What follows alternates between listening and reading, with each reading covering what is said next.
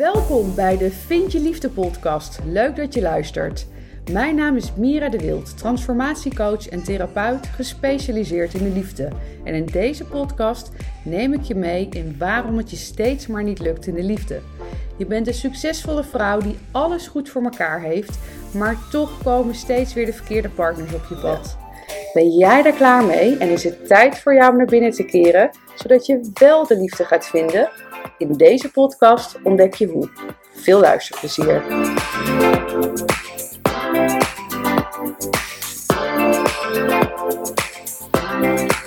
Hey hallo en welkom bij weer een nieuwe podcast.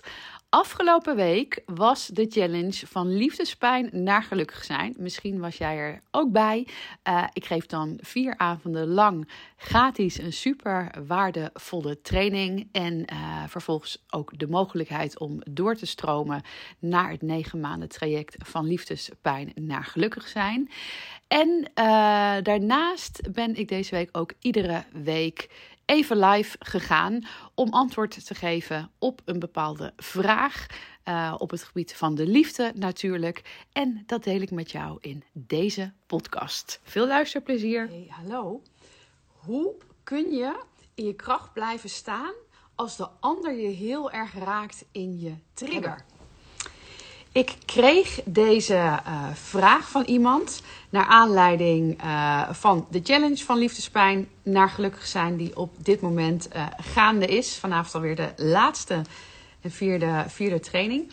En ehm, hierin vertel ik ook veel over triggers. Maar triggers, dat is waarschijnlijk iets wat jij heel erg herkent. Want wanneer jij je herkent in de bindingsangst, in de verlatingsangst, codependentie of welke hokje, uh, hokjes, ja, ik zeg altijd maar, maakt niet zoveel uit in welk hokje je zit. Het gaat ook niet om het hokje, maar soms is het wel fijn om jezelf te herkennen in iets, want dan weet je ook hoe je eruit kan komen. Nou, dan word je nogal geraakt in je trigger.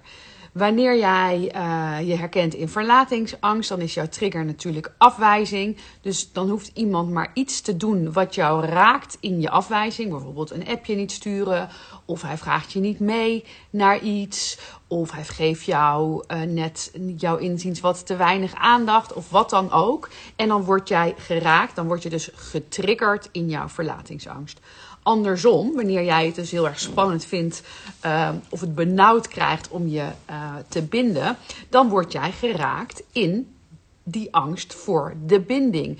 Dus wanneer jij in een relatie of in een date situatie uh, zit en iemand wordt net even te snel serieus of die wil je meenemen naar je vrienden, daar ben je nog niet naartoe. Of je ouders, of, of wat dan ook. Of gisteren noemde ik bijvoorbeeld het voorbeeld um, uh, van, een, uh, van een cliënte van mij. Die het eigenlijk heel erg leuk had met iemand. Was echt, ja, was gezellig. Maar het was nog allemaal niet gesield.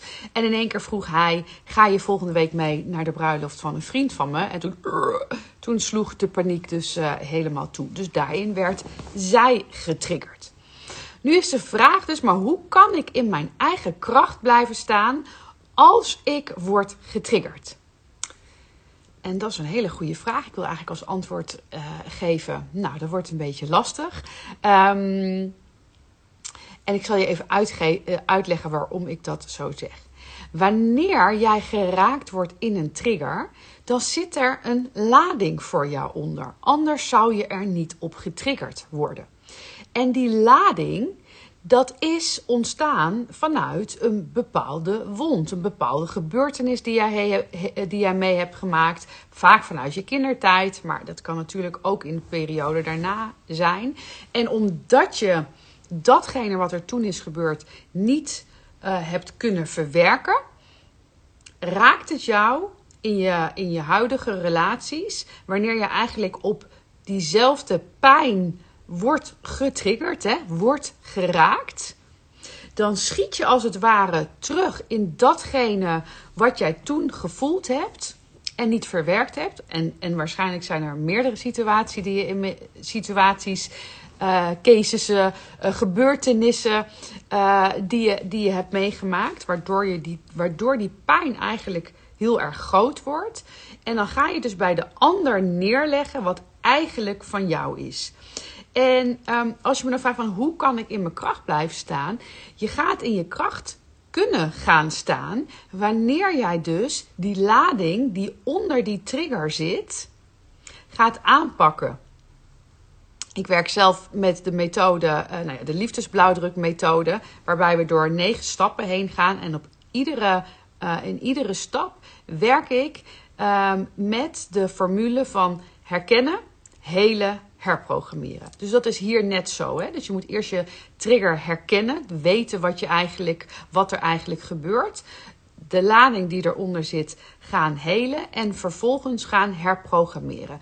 Daarom heeft het ook nooit zoveel uh, nou, zin heeft het wel, want alles helpt natuurlijk. Maar daarom is het niet uh, per se een doorbraak wanneer je een aantal losse sessies bij een therapeut, een coach of een psycholoog gaat uh, gaat nemen. Wat zeker helpt, hè, want alle beetjes helpen. Maar je wilt niet dat iets een beetje helpt. Je wilt dit patroon doorbreken. Omdat um, dat vaak bijvoorbeeld een therapeut zit heel erg op het hele, maar niet zozeer in: oké, maar hoe herken je die situaties dan wanneer het gebeurt? En wat moet ik dan doen? Hoe ga ik er op dat moment mee om? En hoe herprogrammeer je dus daarin uh, jouw gedrag? Dus dat is belangrijk, dat is essentieel om in je kracht te kunnen gaan staan. Want in je kracht staan is niet dat je op dat moment een bepaalde houding aan kan nemen. Of van, oh, want dan zit je eigenlijk heel erg in het mannelijk, in het strijden, een stukje vechten. De kracht is juist het zijn. Oftewel, dat wat bij jou hoort, dat wat bij jou geraakt wordt, nemen. Dus dat pakken en dat niet op de andere gaan reflecteren door of de ander weg te duwen of door juist op de ander te duiken of door iets van de ander daarin te verwachten. Vaak is het ook dat jij ergens onbewust wil dat iemand jou iets geeft. Nee, het is teruggaan naar jezelf en de stukken die jij daar te zien hebt, die jij te horen hebt, die jij te voelen hebt, die je te ervaren hebt, om die aan te gaan, waardoor je uiteindelijk in je kracht gaat staan, namelijk doordat je niet meer geraakt wordt op die trigger. Als ik kijk naar mezelf, waar ik mezelf het allermeeste herken in, um, of herkende, dus nu niet meer, maar in de verlatingsangst, waar ook altijd bindingsangst onder zit, hè? want dat is één, één uh, medaille, maar vaak is in een relatie is er eentje iets meer uh, uh, leidend dan, ja, dan hoefde iemand ook maar een klein dingetje doen. En dan werd ik heel erg geraakt in mijn afwijzing. Maar doordat ik de stukken die daarop zaten verwerkt heb, geheeld heb en mijn gedrag daarin heb kunnen herprogrammeren, word ik daar eigenlijk niet meer in geraakt. En al helemaal niet, um, want wanneer het nog zwaar is, dan, dan reageer je vaak ook op een ander op een manier dat je jezelf een beetje verliest. Hè? Dat herken je waarschijnlijk wel. Dan, je wordt geraakt en je reageert. En dan dat je achteraf dan ook denkt: oké, dat was best wel, uh, best wel heftig. Of misschien wel zelfs buiten proportie. Maar wanneer je hier uh, doorheen gaat, en die stappen heb ik allemaal verwerkt in de liefdesblauwdrukmethode, waar ik zelf dus ook doorheen ben gegaan. En daarnaast uh, honderden andere vrouwen. Is dat de lading daardoor verdwijnt. Dus als ik kijk nu, ja, eigenlijk word ik amper geraakt in mijn afwijzing. Maar, maar als ik het ergens nog zou voelen, dan is het ten eerste niet heel zwaar. Dan herken ik het meteen. Hè? Dat is ook dat herkennen. Dan kan ik dat met mezelf kan ik dat aangaan. En omdat ik nu gewoon in een gelijkwaardige volwassen relatie zit, kan ik het wel bespreekbaar maken en vice versa. Dan kan ik zeggen: Oh jeetje, ik werd, ik werd nog. Uh, ook ik voel hier, in een stukje afwijzing. En, en, maar daar heel bewust van zijn dat dat van mij is. En daar gewoon op een volwassen manier over praten. Zonder dat ik daarin iets van hem vraag of verwacht of wil. Um, neem niet weg dat ik daarin mijn behoeftes niet uit kan spreken. Hè?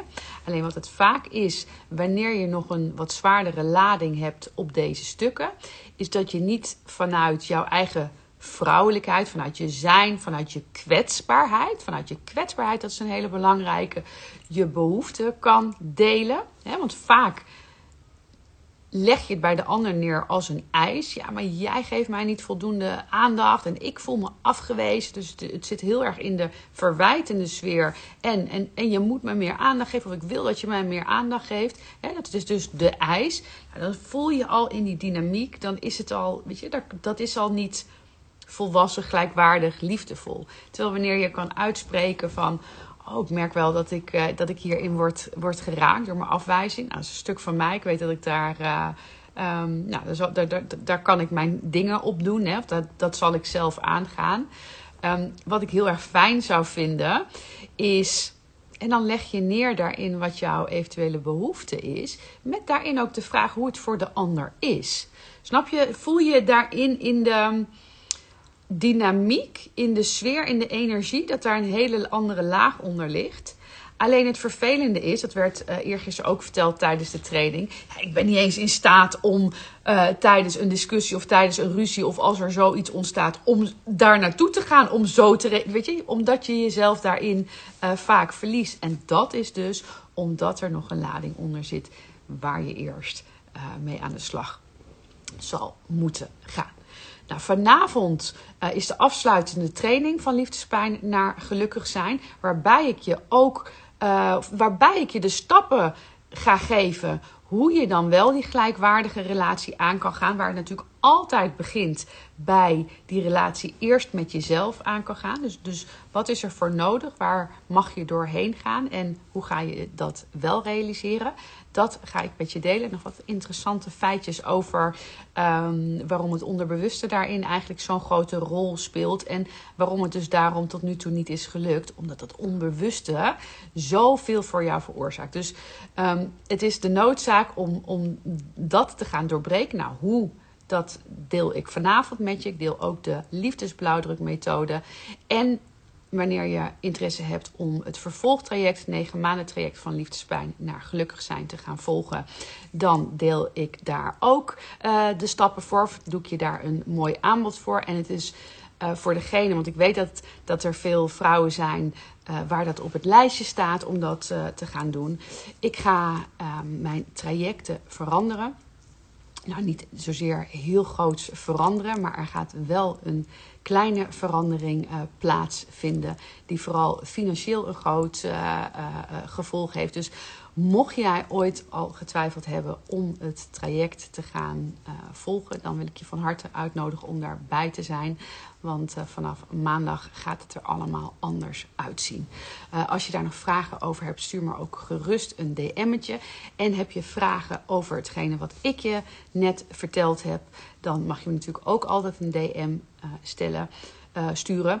Of... Ik hoop dat het een waardevolle podcast voor je was. Als dat zo was, dan zou ik het super waarderen als je mij een 5 sterren review zou willen geven. Heb jij een idee voor een podcast? dan uh, sta ik daar altijd voor open. Stuur me dan gerust een Instagram berichtje. Je vindt me op Mira de Wild, Mira met Y en de Wild met DT. En heb jij nou interesse om je patroon van liefdespijn echt definitief te gaan doorbreken. En zou je meer willen weten over het negen maanden traject van liefdespijn naar gelukkig zijn, dan uh, hoor ik heel graag van je. Ook dan mag je me natuurlijk een berichtje via Instagram sturen. Hele fijne dag. Doei doei.